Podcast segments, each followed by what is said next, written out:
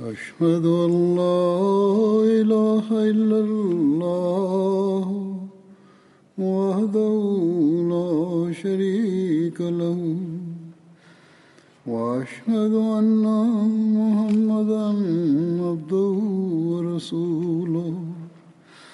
أما بعد فأعوذ بالله من الشيطان الرجيم. بسم الله الرحمن الرحيم. الحمد لله رب العالمين. الرحمن الرحيم.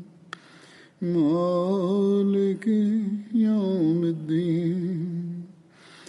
إياك نعبد نستعين اهدنا الصراط المستقيم. صراط الذين أنعمت عليهم. غير المغضوب عليهم ولا الضالين.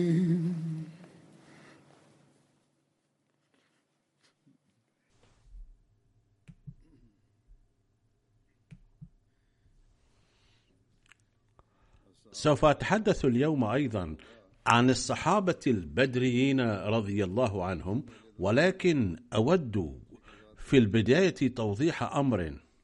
قبل أسبوعين ذكرت في خطبة الجمعة في سياق الحديث عن معاذ بن جبل رضي الله عنه رواية من مسند أحمد بن حنبل بصدد الطاعون حيث قال النبي صلى الله عليه وسلم ستهاجرون إلى الشام قريبا وسيف تفتح على أيديكم.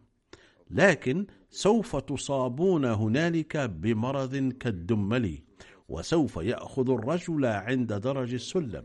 وهذه الجملة الأخيرة كانت ترجمة خاطئة لما ورد في الرواية ولا يتضح بها الأمر.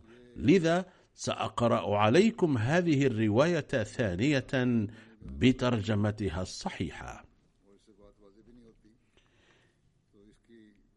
عن إسماعيل بن عبيد الله قال قال معاذ بن جبل جبل سمعت رسول الله صلى الله عليه وسلم يقول ستهاجرون إلى الشام فيفتح لكم ويكون فيكم داء كالدمل أو كالحرة يأخذ بمراق الرجل. أي سيظهر هذا المرض في أسفل بطن الرجل ما تحت السرة. هذه هي الجملة التي كانت ترجمت خطأ كالآتي وسوف يأخذ الرجل الرجل عند درج السلم. الآن سوف أقرأ عليكم ترجمتها الصحيحة وهي أن هذا المرض سيظهر فيما تحت السرة حيث يظهر الدمل عادة أسفل السرة ما بين الرجل وباقي الجسد. يستشهد الله به أنفسهم ويزكي بها أعمالهم. اللهم إن كنت تعلم أن معاذ بن جبل سمعه من رسول الله صلى الله عليه وسلم فأعطه هو وأهل بيته الحظ الأوفر منه. فأصابهم الطاعون فلم يبقى منهم أحد. فطعن في إصبعه السبابة فكان يقول ما يسرني أن لي بهذا حمر النعم. فهذا هو التوضيح والتصويب الذي أردت ذكره. لقد قاموا بتصويب هذه الترجمة في الخطبة التي تطبع في جريدة الفضل غير أنني أردت أن أذكره أمامكم في الخطبة أيضا.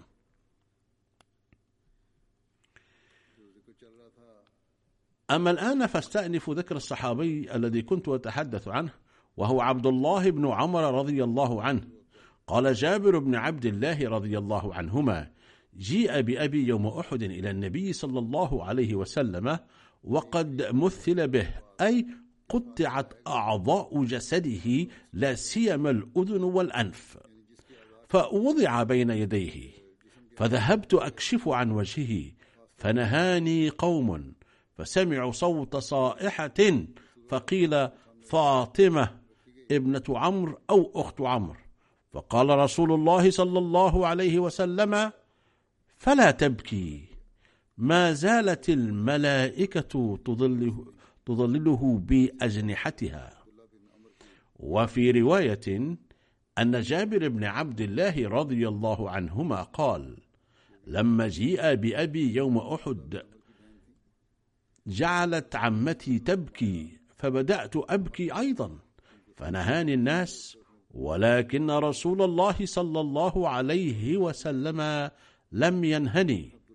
فقال النبي صلى الله عليه وسلم تبكون عليه أو لا تبكون؟ فما زالت الملائكة تظله بأجنحتها حتى رفعتموه أي دفنتموه. هناك أقوال كثيرة عن جنازة شهداء أحد وهي شديدة الاختلاف. فقد ورد في رواية في صحيح البخاري أن جابر بن عبد الله رضي الله عنهما قال إن رسول الله صلى الله عليه وسلم كان يجمع بين الرجلين من قتل أحد في ثوب واحد ثم يقول أيهم أكثر أخذا للقرآن؟ فإذا أشير له إلى أحد قدمه في اللحد أي أنزله في القبر قبل صاحبه. وقال أنا شهيد على هؤلاء يوم القيامة وأمر بدفنهم بدمائهم ولم يصل عليهم ولم يغسلوا. وهناك رواية أخرى أيضا في البخاري عن عقبة بن عامر أن رسول الله صلى الله عليه وسلم جاء يوما وصلى على شهداء أحد. وفي رواية أخرى في البخاري أن رسول الله صلى الله عليه وسلم صلى على شهداء أحد بعد ثمانية أعوام. وفي رواية في سنن ابن ماجه أن ابن عباس رضي الله عنه قال أتي بالشهداء إلى رسول الله صلى الله عليه وسلم يوم أحد فجعل يصلي على عشرة عشر وحمزة هو كما هو يرفعون وهو كما هو موضوع. وورد في سنن أبي داود عن أنس بن مالك أن شهداء أحد لم يغسلوا ودفنوا بدمائهم. أي دماء جروحهم ولم يصلى على أحد منهم. وفي رواية في سنن أبي داود أيضا أن أنس بن مالك قال لم يصلي النبي صلى الله عليه وسلم على أحد من شهداء أحد إلا حمزة وفي رواية عفوا في الترمذي أن أنس بن مالك قال ورد في سيرة ابن هشام والسيرة الحلبية أن رسول الله صلى الله عليه وسلم صلى على شهداء أحد كالآتي. صلى على حمزة أولا وكبر فيها سبعا. وفي رواية وفي رواية السيرة الحلبية أنه صلى صلى الله عليه وسلم كبر أربعا. ثم أتي بباقي الشهداء واحدا واحدا. فكان يوضع عند جثمان حمزة. فكان صلى الله عليه وسلم يصلي عليهما. وهكذا صلى على شهيد مرة واحدة واحدة وصلى على حمزة اثنتين وسبعين مرة وعند البعض اثنتين وتسعين مرة. وورد في كتاب السيرة دلائل النبوة أنه كان يؤتى بتسعة شهداء معا ويوضعون عند حمزة. فكان النبي صلى الله عليه وسلم يصلي عليهم جميعا. ثم يؤتى بتسعة آخرين ويصلي عليهم على هذا النحو. وكبر النبي صلى الله عليه وسلم سبع تكبيرات في كل مرة. لقد ناقش صاحب السيرة الحلبية وصاحب دلائل النبوة والأحاديث الواردة حول جنازة شهداء أحد. وقد عد رواية جابر بن عبد الله هي أقوى الروايات حيث ورد فيها أن النبي صلى الله عليه وسلم أمر بدفن شهداء أحد بدمائهم فلم يغسلوا ولم يصلى عليهم. قال الإمام الشافعي رحمه الله جاءت الأخبار كأنها عيان من وجوه متواترة أن النبي صلى الله عليه وسلم لم يصلي على قتل أحد وما روي أنه صلى الله عليه وسلم صلى عليهم وكبر على حمدة سبعين تكبيرة لا يصح. وأما حديث عقبة بن عامر فقد وقع في نفس الحديث أن ذلك كان بعد ثمان سنين.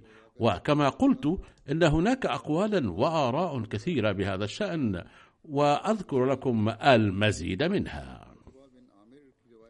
وقد جعل الإمام البخاري في صحيحه بابا بعنوان الصلاة على الشهيد وذكر فيه حديثين أولهما مروي عن جابر بن عبد الله رضي الله عنه وورد فيه بوضوح أن شهداء أحد لم يغسلوا ولم يصلى عليهم بينما ورد في حديث آخر عن عقبة بن عامر رضي الله عنه أن النبي صلى الله عليه وسلم خرج يوما فصلى على أهل أحد صلاة صلاته على الميت وقد ورد هذا الحديث في موضع آخر في البخاري تحت باب غزوة أحد حيث روي نفس هذا الصحابي. وأما النبي صلى الله عليه وسلم على قتل صلى عليهم صلى الله عليه وسلم على قتل أحد بعد ثمان سنين كالمودع للأحياء والأموات. كذلك قضى العلامة ابن حجر العسقلاني إن المراد من قول الإمام الشافعي هذا هو أنه لا يصلي على القبر إذا طالت المدة على وفاة صاحبه. ويرى الإمام الشافعي أن النبي صلى الله عليه وسلم خرج إلى قبور هؤلاء الشهداء ودعا لهم واستغفر لهم حين علم قرب أجله توديعا لهم بذلك. وكتب حضرة مرزا بشير أحمد في سيرة خاتم النبيين وهو يتحدث عن تكفين ودفن شهداء أحد بعد العثور على جثة الشهداء بدل العمل على تكفينهم فأمر رسول الله صلى الله عليه وسلم أن يدفنوا بثيابهم ولا يغسلوا غير أنه إذا كان عند أحد منهم أحد منهم ثوب زائد عن كفنه لف على ثيابه التي لبسها ولم يصلى عليهم عندها فدفن الشهداء بدون غسل ولا صلاة عليه. وعموما قد لف صحابيان معا في كفن واحد ودفن في قبر واحد وكان الذي أكثرهما قرآنا يقدم إلى اللحد قبل صاحبه بأمر من رسول الله صلى الله عليه وسلم. ثم كتب حضرته لا شك أنه لم يصلى عليهم عندئذ غير أن الرسول صلى الله عليه وسلم صلى على شهداء أحد خاصة عندما قرب أجله. هذا ما استنبطه حضرته من شتى الروايات الواردة في المصادر التاريخية فسواء صلى عليهم النبي صلى الله عليه وسلم أو دعا لهم فقط إلا أنه قد فعل ذلك بمنتهى اللوعة والألم. فلعله صلى الله عليه وسلم دعا لهم فقط حيث ذكر قبل قليل أن النبي صلى الله عليه وسلم ذهب إلى قبر كل واحد منهم ودعا له بحرقة وألم شديدين. وعن جابر بن عبد الله قال صنعت قبرا لأبي بعد غزوة أحد بستة أشهر ودفنته فيه فما أنكرت منه شيئا إلا شعيرات كن في لحيته مما يلي الأرض. وفي رواية أخرى عن جابر بن عبد الله رضي الله عنهما قال دفن الرجلان في قبر واحد عند غزوة أحد ودفن أبي مع صحابي آخر وبعد ستة أشهر وقع في نفسي أن أدفنه في قبر منفصل فأخرجته فما أنكرت منه شيئا إلا تغيرا قليلا في لحم جسده مما يلي الأرض. بعد ستة أو أربعين عاما من غزوة أحد حفر حضرة الأمير معاوية في عهده قناة دخل ماؤها في قبور شهداء أحد بما فيها قبر عبد الله بن عمرو وعمرو بن الجموح أيضا. فلما حفر قبرهما فكان عليهما ملاءتان وقال الراوي أنه كان بوجهه جرح وكانت يده على جرحه. إنما ورد بعد ذلك في هذه الرواية فيه نظر إلا أنني أذكره لكم وليس ضروريا أن يكون هذا مما يطمئن إليه القلب لأنه مكتوب في كتب التاريخ ويقرأه الناس لذا إنما أبينه هنا لأنه يمكن أن تكون فيه مبالغة. على أي حال ورد فأميتت يده عن جرحه فانبعث الدم فردت إلى مكانها فسكن الدم. مثل هذه الروايات أيضا تأتي وهي مجروحة. قال جابر بن عبد الله فرأيت أبي في حفرته كأنه نائم مع أنهم حين أخرجوه بعد ستة أشهر حينها أيضا يقول والنمرة التي كفن فيها كما هي والحرد على رجليه على هيئته وبين ذلك ست وأربعون سنة. هذا مستحيل يقول حسن بن منين أنه لم يتأثر لأنه قانون طبيعي أن الجسد يتغير فلا يمكن أن يصح هذا القول. إذا عن جابر بن عبد الله رضي الله عنه قال لما قتل عبد الله بن حرام يوم أحد لقيني رسول الله صلى الله عليه وسلم فقال يا جابر ما لي أراك منكسرا. قال قلت يا رسول الله ستشهد أبي استشهد أبي وترك عيالا ودينا.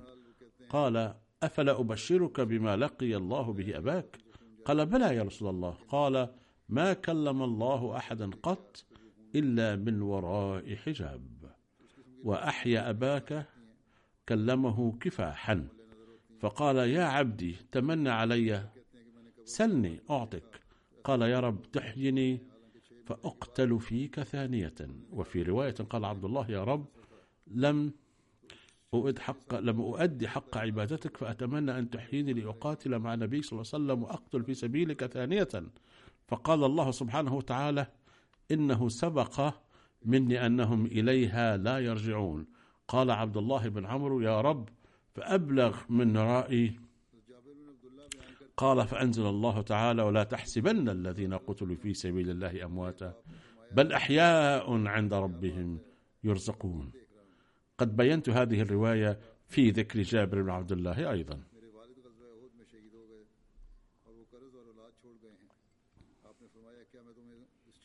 كان الخليفة الرابع رحمه الله تعالى قد بين في خطاب له قبل الخلافة تفصيل مكالمة عبد الله بن عمرو مع الله تعالى وقال هذا الحادث يتضمن أنواعا من الجمال ومن أي جهة رأيناه بدا نوع جديد من جماله ومنها أنه يتبين لنا كيف كانت للنبي صلى الله عليه وسلم صلة متواصلة مع ربه. كان يكرم خدامه ويواسيهم ومع ذلك كان قلبه متصلا بربه. كان من جهة مضل على صحابته ومن جهة أخرى كان مرتبطا بالله تعالى باستمرار. كان حائزا على مقام ثم دنا فتدله العظيم في حالة الأمن فلم يتخلى عن هذا المقام حتى في حالة الحرب. كانت نظرة له تشرف على ميدان الحرب ونظرة أخرى مشغولة برؤية جمال الحبيب سبحانه وتعالى.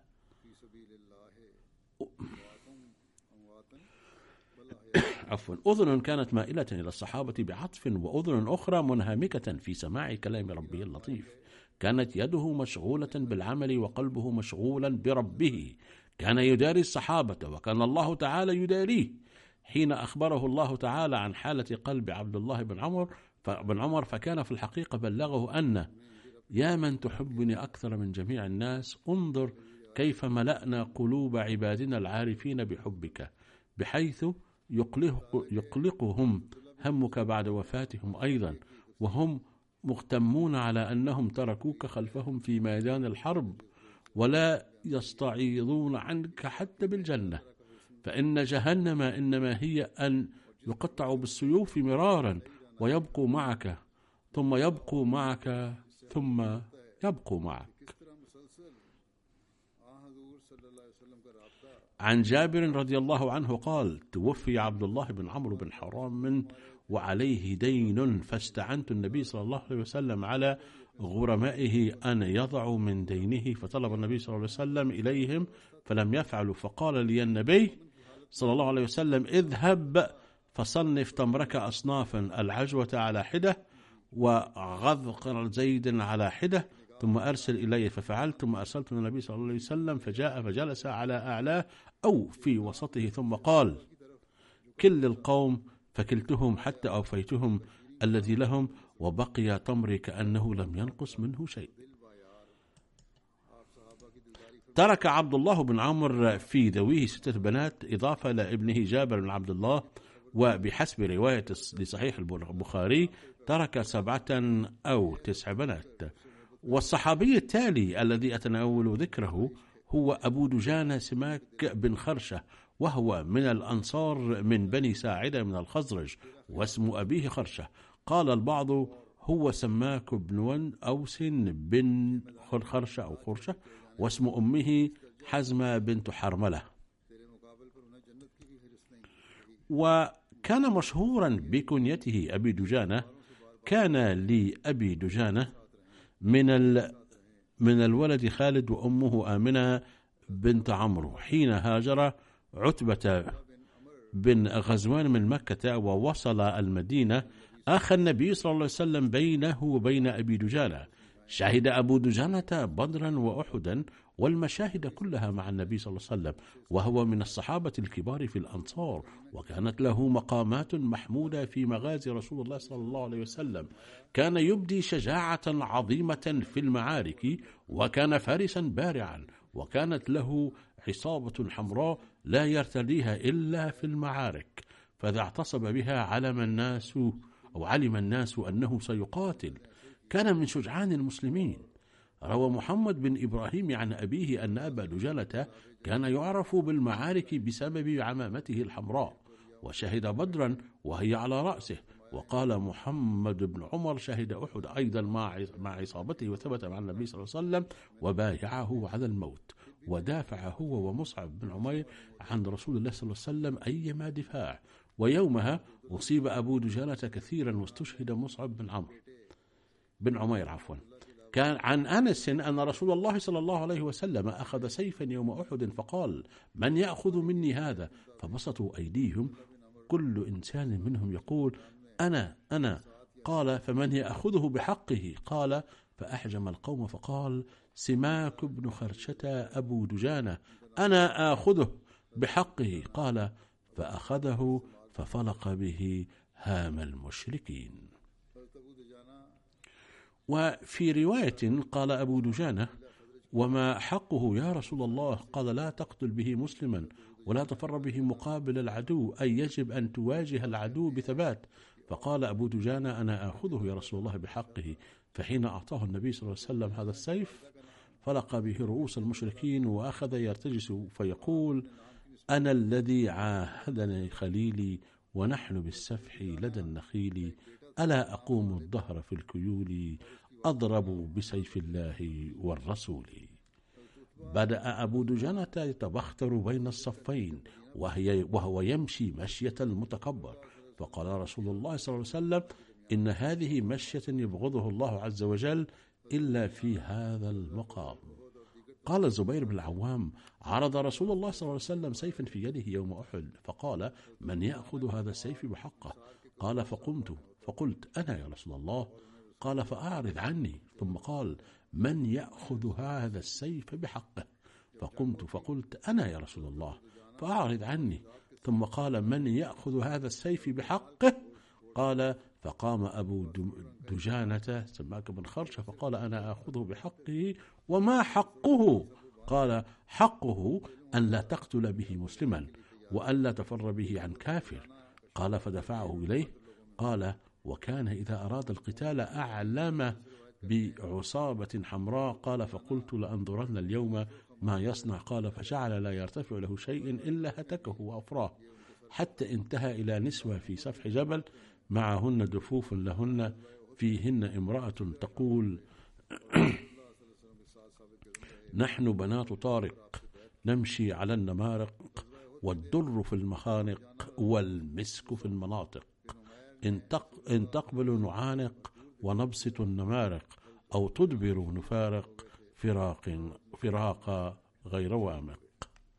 وعن الزبير رضي الله عنه أنه رأى أبا دجانة أهوى بالسيف إلى امرأة ليضربها ثم كف عنها فلما انكشف القتال قلت له كل عملك رأيت ما خلا رفعك السيف على على المرأة ثم لم تضربها. قال أكرمت سيف رسول الله صلى الله عليه وسلم أن أقتل به امرأة. وفي رواية كانت المرأة هند زوجة أبي سفيان والنساء معها يضربن بالدفوف خلف الرجال يحرضن.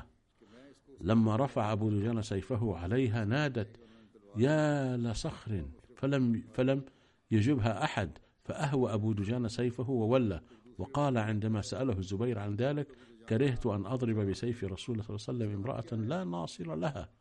يقول حضرة مر... يقول حضرة ميرزا بشير أحمد رضي الله عنه في كتابه سيرة خاتم النبيين في بيان هذا الحادث لما واجه كفار قريش هزيمة على المبارزة غضبوا وشنوا هجوما فتقدم المسلمون أيضا مكبرين وتمت المواجهة بين الجيشين ولعل بهذه المناسبة أمسك النبي صلى الله عليه وسلم سيفه بيده وقال ما معناه من الذي يأخذ مني ويؤدي حقه؟ فتمنى كثير من الصحابة لنيل هذا الشرف ومدوا أيديهم بمن فيهم عمر والزبير رضي الله عنهما وفي رواية أخرى أن أبا بكر وعلي رضي الله عنهما أيضا كان منهم ولكن النبي صلى الله عليه وسلم لم يعطه أحدا منهم وظل يقول من يأخذ هذا السيف بحقه. حتى مد أبو دجانة الأنصاري يده وقال أنا أخذه يا رسول الله بحقه فأعطاه إياه فتقدم إلى الكفار وهو يتبختر. فقال رسول الله صلى الله عليه وسلم حين رأى أبو دجانة يتبختر إنها لمشية أبغضها الله إلا في هذا الموطن. قلق الزبير الذي كان أكثر الناس رغبة في أخذ السيف وكان يرى نفسه أحق به لقرابته على عدم إعطاء النبي صلى الله عليه وسلم السيف وأعطاه أبا دجانة. فقال في نفسه والله لأنظرن ما يصنع أبو دجانة.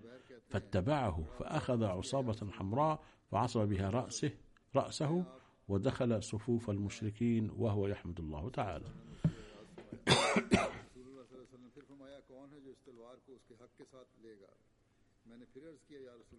فكان يقتل المشركين حيثما توجه ولم أرى أحدا جاء أمامه ثم سلم من الموت. لقد شق طريقه في جيش قريش حتى خرج من جانب آخر حيث كانت نساء قريش وفي هذه الأثناء رأى هندا زوجة أبي سفيان تحمس الرجال بقوة وشدة. رفع أبو دجنة سيفه عليها فصرخت بأعلى صوتها منادية الرجال لنجدتها ولكن لم يخرج لنجدتها أحد. يتابع الزبير قائلا ما معناه؟ ثم رأيت أن أبا دجانة أهوى سيفه وتنحى من هنالك فسألته ما القصة؟ إذ قد رفعت إذ قد رفعت السيف أولا ثم أهويته. قال كرهت أن أضرب بسيف رسول الله صلى الله عليه وسلم امرأة لا ناصلها يقول الزبير عندها أدركت لعلني لم أكن قادرا على أداء حق سيف رسول الله صلى الله عليه وسلم كما أداه أبو دجان وبذلك زال قلقي. لقد ذكر سيدنا المصلح الموعود رضي الله عنه هذا الحادث كما يلي في غزوة أحد. أخرج النبي صلى الله عليه وسلم سيفه وقال سأعطيه من يؤديه حق من يؤديه حقه فقام كثيرون لتناوله ولكن الرسول ناوله لأبي دجانة الأنصاري وأثناء المعركة هاجمه عدد من المكيين الكفار وكان أحدهم أشدهم حماسة في القتال فأسرع إليه أبو دجانة مشهلا سيفه ثم انصرف عنه. وسأله أحد الصحابة بعد ذلك لماذا تركت هذا المقاتل؟ فقال عندما هجمت عليه لقتله صدر منه كلام عرفت به أنه امرأة فقال صاحبه لكنها كانت تحارب المسلمين على أي حال وتشترك مع جنود الكفار فلماذا تركتها؟ فقال أبو دجانة أكرمت سيف رسول الله صلى الله عليه وسلم أن أضرب به امرأة.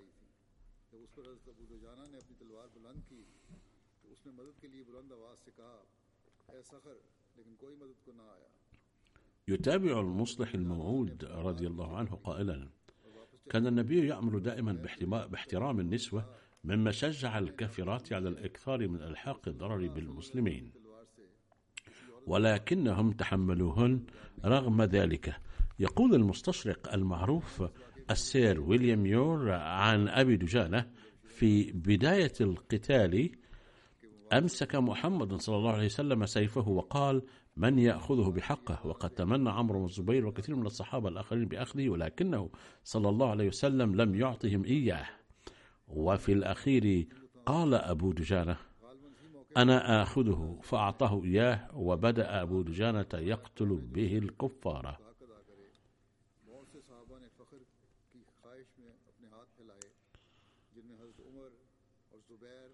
بلکہ بعض روایات کی روح سے حضرت ابو بکر اور حضرت علی بھی شامل تھے۔ يتابع ويليام يور لقد اهتزت أقدام جيش مكة نتيجة هجمات المسلمين القوية. حاولت كتيبة قريش مرارا أن تهاجم جيش المسلمين من اليسار أو من الوراء ولكنها اضطرت للتقهقر كل مرة بعد تلقي الرماح من خمسين من الرماة الذين كان رسول الله صلى الله عليه وسلم عينهم هنالك بوجه خاص.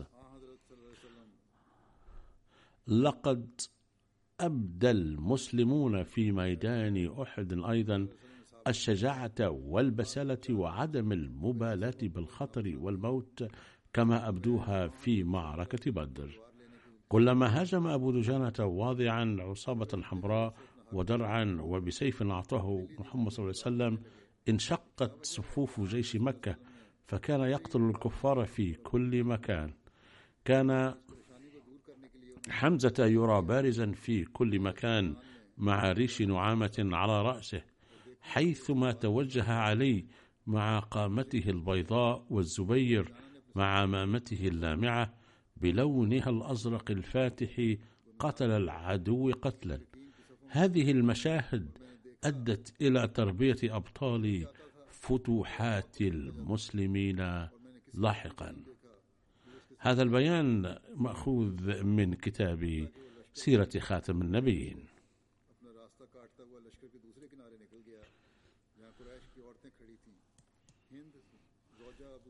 عن ابن عباس قال لما انتهى رسول الله صلى الله عليه وسلم إلى أهله ناول سيفه ابنته فاطمة فقال اغسلي عن هذا دمه يا بنيتي. وناولها علي بن أبي طالب سيفه فقال وهذا فاغسلي عنه دمه.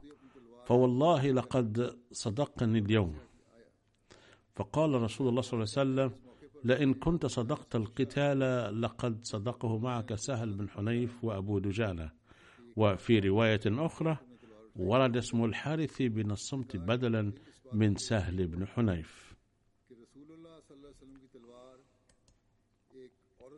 وقال زيد بن أسلم دخل الناس على أبي دجانة وهو مريض وكان وجهه يتهلل فقيل له ما لوجهك يتهلل؟ قال ما من عمل شيء أوثق عندي من اثنين كنت لا أتكلم فيما لا يعنيني والأخرى فكان قلبي للمسلمين سليما. شهد أبو دجانة اليمامة وهو في من اشترك في قتل مسيلمة الكذاب. قتل أبو دجانة يومئذ شهيدا سنة 12 في خلافة أبي بكر الصديق. إذا قاتل أبو دجانة قتالا شديدا في اليمامة ونال مرتبة الشهادة.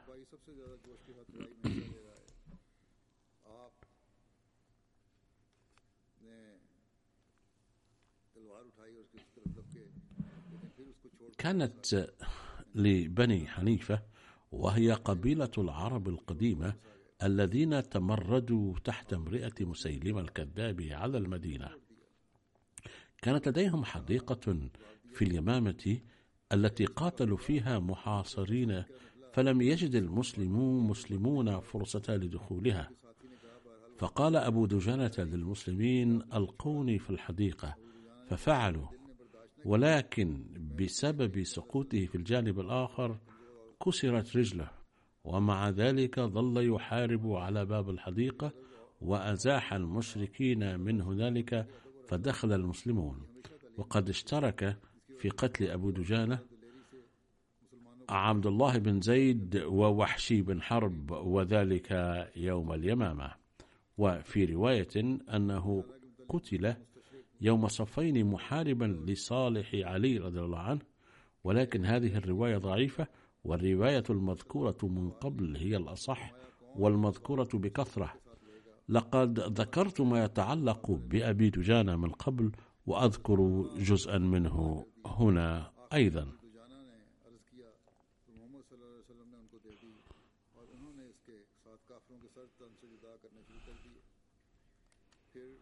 كان أبو دجانة من الأنصار وأسلم قبل هجرة النبي صلى الله عليه وسلم المدينة وكان من سكانها وكان له شرف أن شهد بدرا مع النبي صلى الله عليه وسلم وقاتل بشجاعة كبيرة وشهد أحدا أيضا. عندما رجحت كف كف كفة القتال لصالح المسلمين حيث قيل لقد انتصر المسلمون في البداية ثم أعاد الكفار كرتهم بعد أن ترك الرماة مكانهم. وانقلبت الحرب على المسلمين مؤقتا. كان أبو دجانة من الصحابة الذين كانوا مع النبي صلى الله عليه وسلم وتلقى جروحا بالغة دفاعا عن النبي صلى الله عليه وسلم ولكنه لم يتأخر على الرغم من الجروح. قال لصاحبه ذات مرة وهو مريض ما ما من عمل شيء أوثق عندي من اثنتين أما إحداهما فكنت لا أتكلم فيما لا يعنين وأما الأخرى فكان قلبي للمسلمين سليما.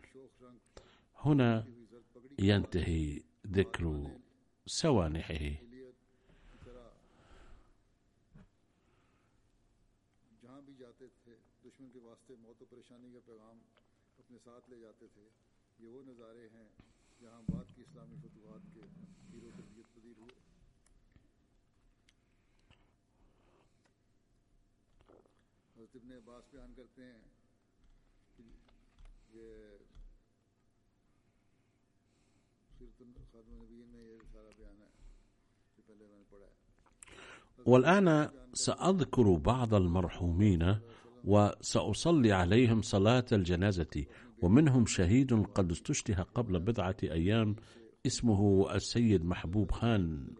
ابن السيد جلال خان من محافظة بيشاور بالباكستان. وقد قتله المعارضون بإطلاق الرصاص عليه في الساعة الثامنة صبيحة يوم الثامن من هذا الشهر نوفمبر في قرية شيخ محمد في محافظة بشاور. إن لله وإن إليه راجعون. وجاء في التقرير الذي وصلنا أن الشهيد محبوب خان ذهب في السادس من نوفمبر هذه السنة 2020 من حارة خو شحال تاون في بشاور لزيارة حفيدته التي تسكن مع عائلتها في قرية مجاورة اسمها قرية محمد.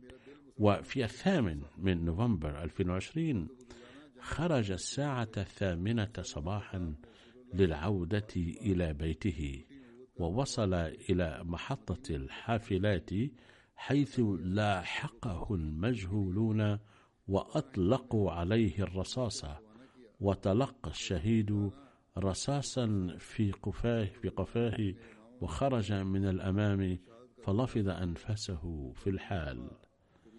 إن لله وإنا إليه راجعون.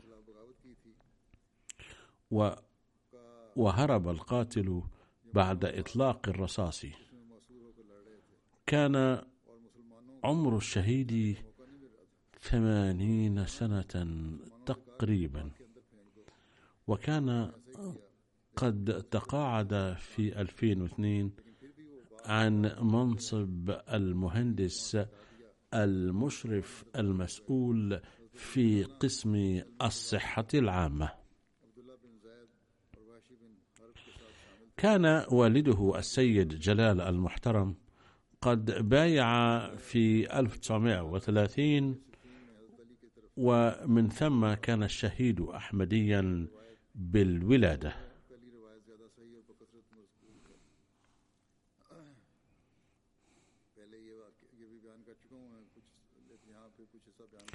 كان يتمتع بخصال حميدة كثيرة فكان يداوم على التهجد وكان نبيلا ومذيافا وكريما. كما كان عنده جنون بنشر الدعوة وكان يتقدم دوما في تبليغ رسالة الحق. وكلما قيل له أن يتخذ الحذرة بدا منه موقف وحيد حيث قال قد اقترب موعد الحضور عند الله وإذا نلت الشهادة فسأكون سعيدا. فقد تحققت أمنيته هذه أيضا وزوجة الشهيد السيدة معراج بيغن المحترمة تحظى بشرف أن والدها محمد سعيد المحترم وعمها بشير أحمد المحترم قد استشهد هما الآخران في عام 1966 والآن نال زوجها هذه السعادة. وبذلك هي ابنة الشهيد وابنة أخي الشهيد وزوجة الشهيد. لقد ترك الشهيد إضافة إلى زوجته المحترمة السيدة معراج بيغم.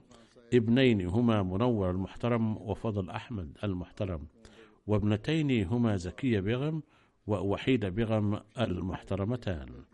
وأربعة عشر حفيدا من الذكور والإناث من أولاد ابنيه وابنتيه. ابنه الأصغر نال شهادة الدكتوراه في الميكروبيولوجيا ويقيم في أستراليا. والثاني أي فضل أحمد يقيم في ألمانيا وهو الآخر حائز على ماجستير في اللغة الإنجليزية.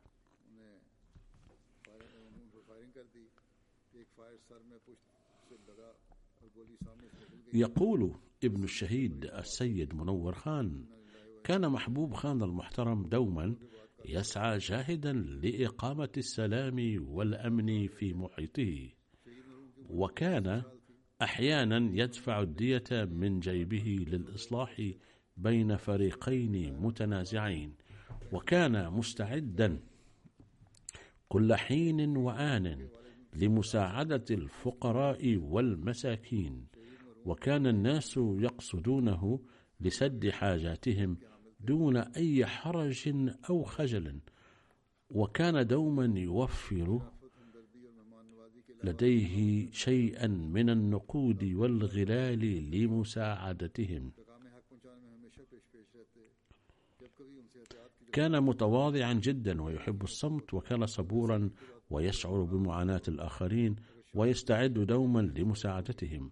رفع الله درجات المرحوم على الدوام ووفق ذويه أيضا لإحياء حسناته. الجنازة الثانية اليوم للداعية الأحمدي فخر أحمد فرخ المحترم في باكستان.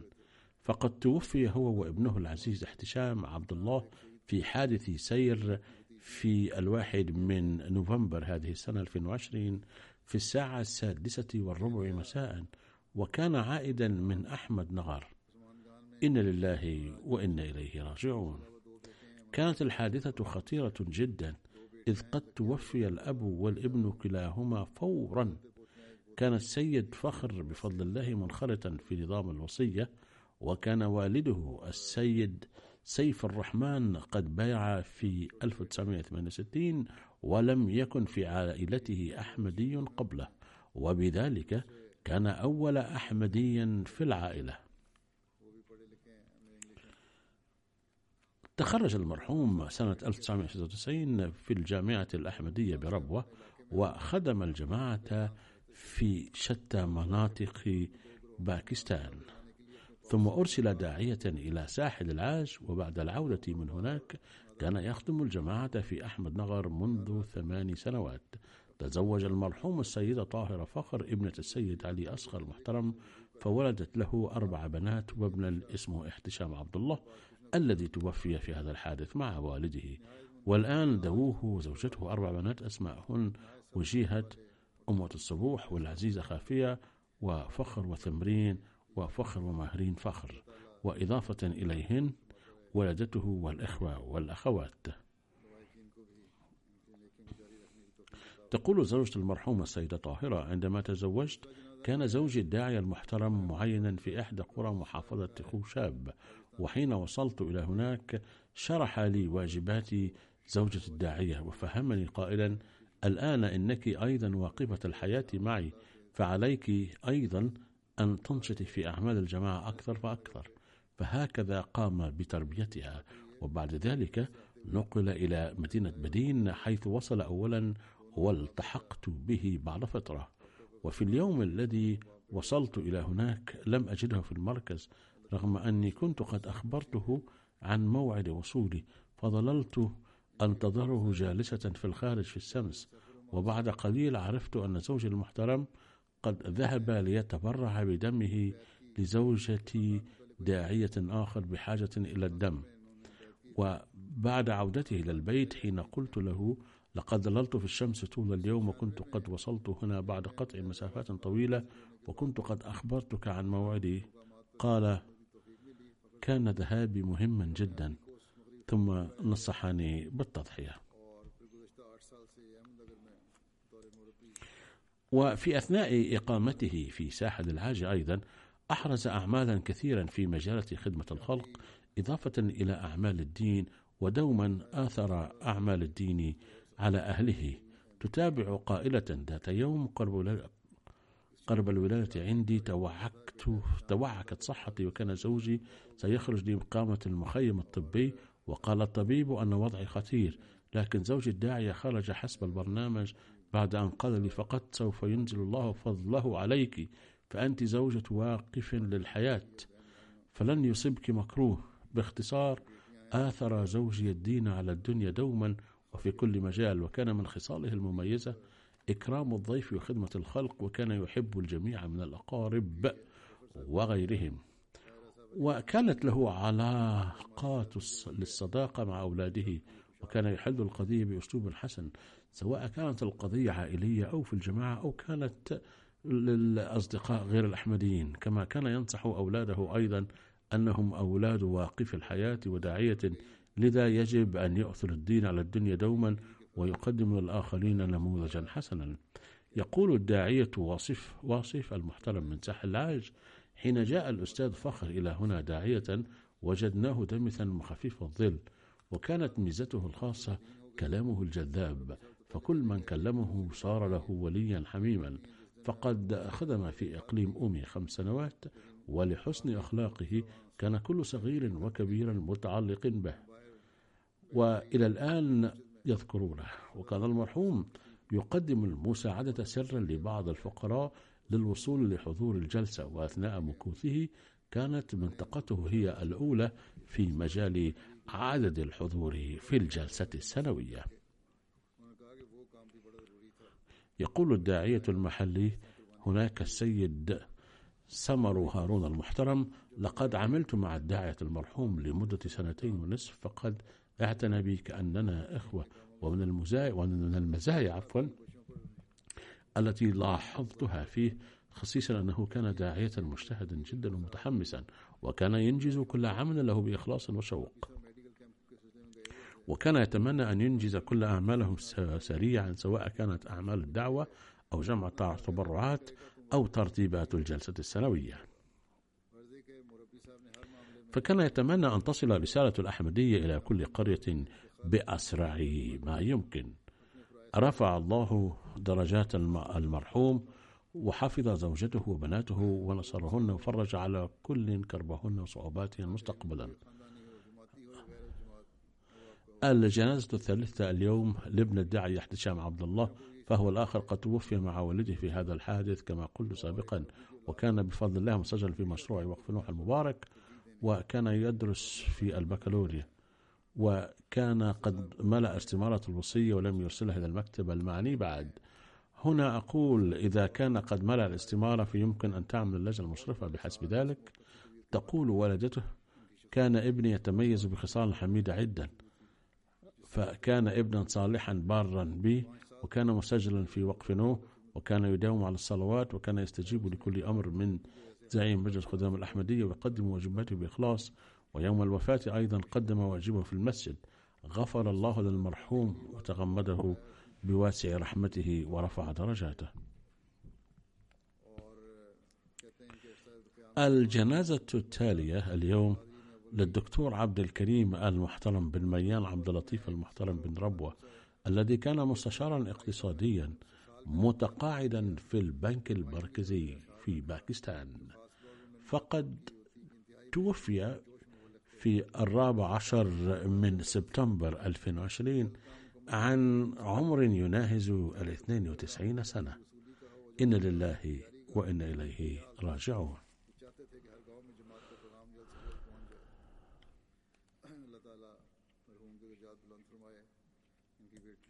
كان المرحوم حفيد أحد أصحاب المسيح الموعود عليه السلام حضرة المولوي محمد علي المحترم كان في الدفعة الأولى للمسجلين في كلية تعليم الإسلام بقديان وحين انتقلت الكلية إلى الباكستان بعد انقسام الهند نال شهادة الماجستير بصفته طالبا في كلية تعليم الإسلام من جامعة البنجاب وكان طالبا وحيدا من كلية تعليم الإسلام في الجامعة كلها. ولاحقا أرسل إلى جامعة جورج واشنطن بأمريكا للدكتوراه في الاقتصاد بمنحة البنك المركزي الباكستاني. وهناك أقام في مسجد فضل وكان ينشط في أعمال الدعوة في أوقات الفراغ من الدرا- من الدراسة. كان الدكتور المرحوم يحب الباكستان حبا جما. وأثناء عمله فضل دوما أن يعمل من باكستان رغم عمله المتواصل دوما مع المؤسسات الدولية مثل البنك الدولي. فقد عمل في البنك المركزي الباكستاني طويلا وتقاعد عن منصب المستشار. أثناء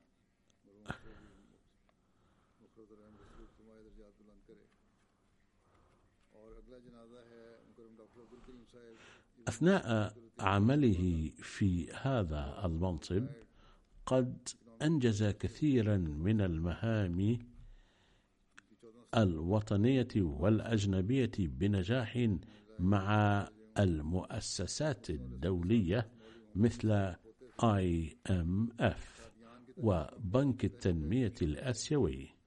كما عمل مدة قصيرة في وزارة الاقتصاد وأشرف على إعداد ميزانية وطنية.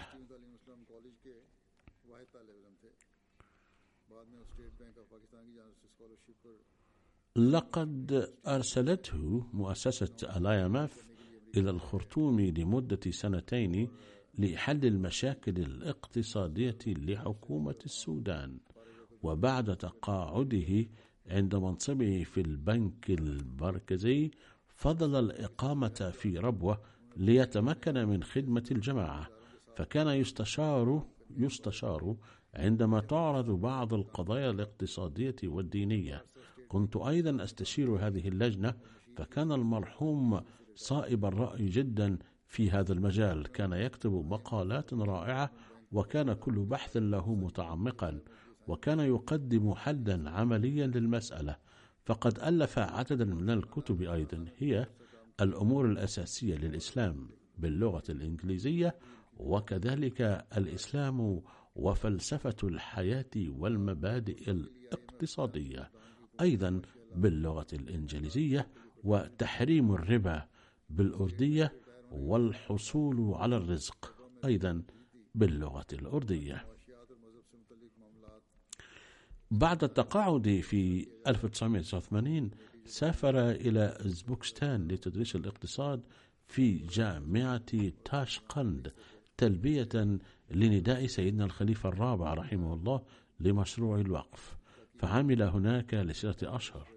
ثم كان الخليفة الرابع رحمه الله قد شكل لجنة لدراسة قضايا الرهن والربا تضم العلماء والمختصين.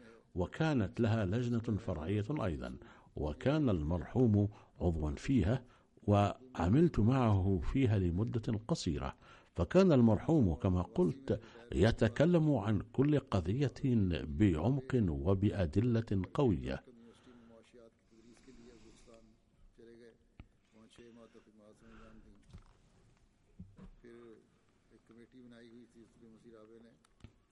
لقد أرسل لي المو... المرحوم أيضا عدة مقالات له حول نظام الربا وهي قيمة. فسوف تدرس أكثر إن شاء الله تعالى.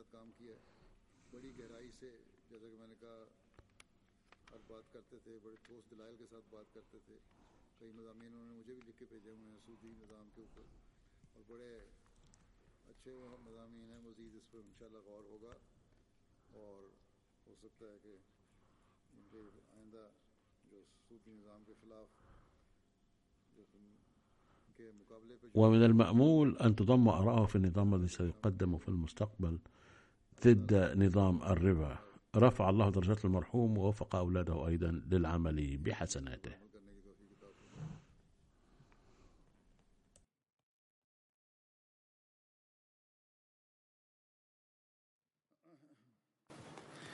الحمد لله الحمد لله نحمده ونستعينه ونستغفره ونؤمن به ونتوكل عليه ونعوذ بالله من شرور أنفسنا ومن سيئات أعمالنا. من يهده الله فلا مضل له ومن يضلله فلا هادي له. ونشهد أن لا إله إلا الله. ونشهد أن محمدا عبده ورسوله. عباد الله رحمكم الله. إن الله يأمر بالعدل واللسان وإيتاء ذي القربى وينهى عن الفحشاء والمنكر والبغي يعظكم لعلكم تذكرون اذكروا الله يذكركم وذوه يستجب لكم ولذكر الله أكبر